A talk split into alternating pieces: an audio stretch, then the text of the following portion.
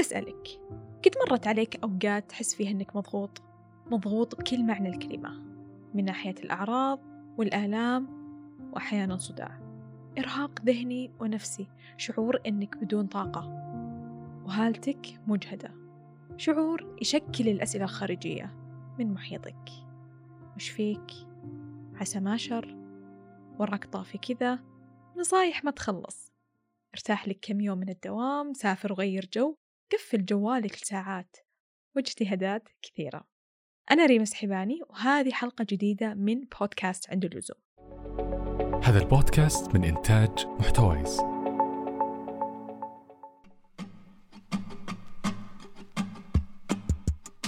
بدون أي مجاملات ودي أقول لكم أن الضغوط ما عاد هي محصورة على ذيك الأسباب اللي كنا نقول عنها مسببات للضغوط.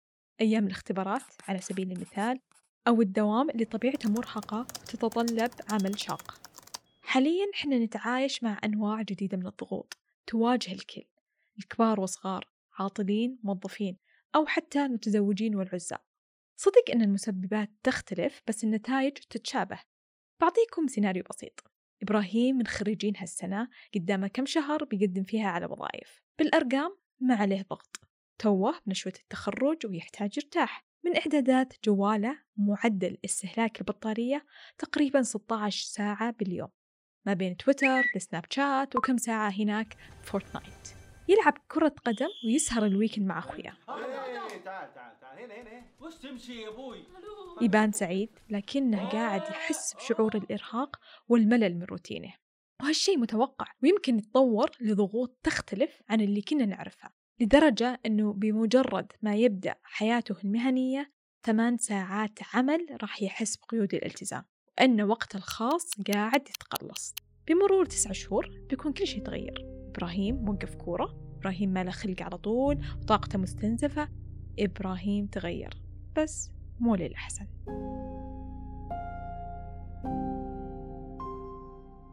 وش تعريفك لوقتك الخاص؟ وبالأخص ال quality time مع نفسك. هو يختلف من شخص لشخص بس اللي متفق عليه أنه وقت يقدر يضيف لك بالمقابل شيء إيجابي بجانب من جوانب حياتك. على سبيل المثال برجع لإبراهيم وكرة القدم. على الرغم من أن شغفه من طفولته بس هي تعطيه مهارات تقوي شخصيته بين مجموعة اللاعبين. وأحيانا بحكم مركز لعبة يتعلم شلون يتكتك أفضل. وقتك بدون إشعارات جوال أو ساعة كل يوم للسكون راح تخليك ترفع سقف تركيزك. على سبيل المثال أنا مثلا أحب أمارس التأمل وأطبقه عشان أكسر العجلة الافتراضية اللي أيامنا تدور حولها. ما راح أطول بالموضوع لأن إن شاء الله هذا موضوع حلقتنا الجاية. زبدة الكلام أن الانتباه للضغوط أكثر طريقة فعالة للحد منها. بمعنى هل اللي يضغطك يسوى؟ إذا إيه في الوقت الحالي إلى أي حد تقدر تتحمله؟ هل بديت تشتغل على البدائل؟ وكمل على هذا المنوال لين توصل لأصل المشكلة.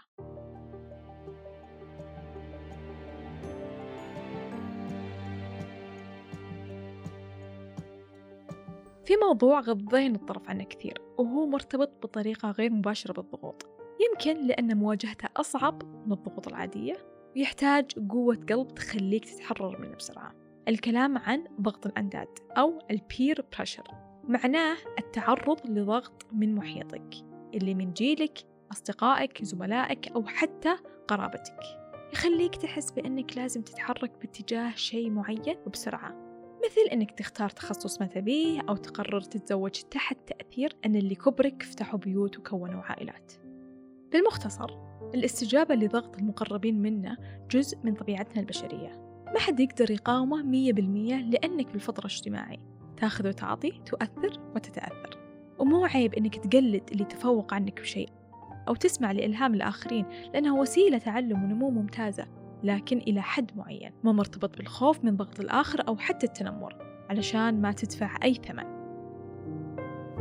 مع تراكم السنوات على هالحال تبدأ الأعراض الجانبية لأنك تتعرض لمعدل ضغوط بشكل شبه يومي بما أنك باللاواعي مستجيب لها وتحاول ترضي الجميع إلا نفسك.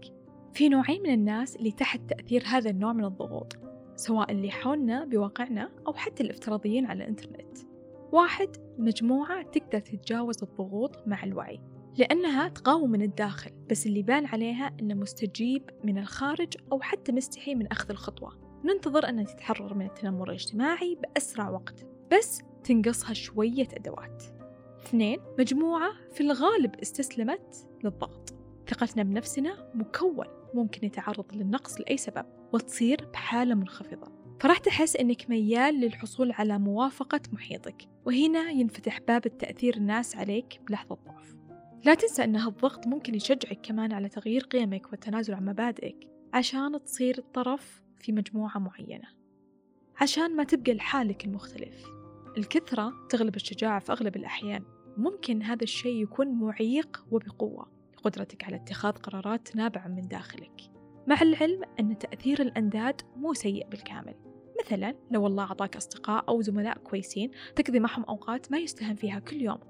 وعندهم تأثير إيجابي على بعضهم البعض ويلعبون أدوار قوية فهذا شيء يبشر بالخير.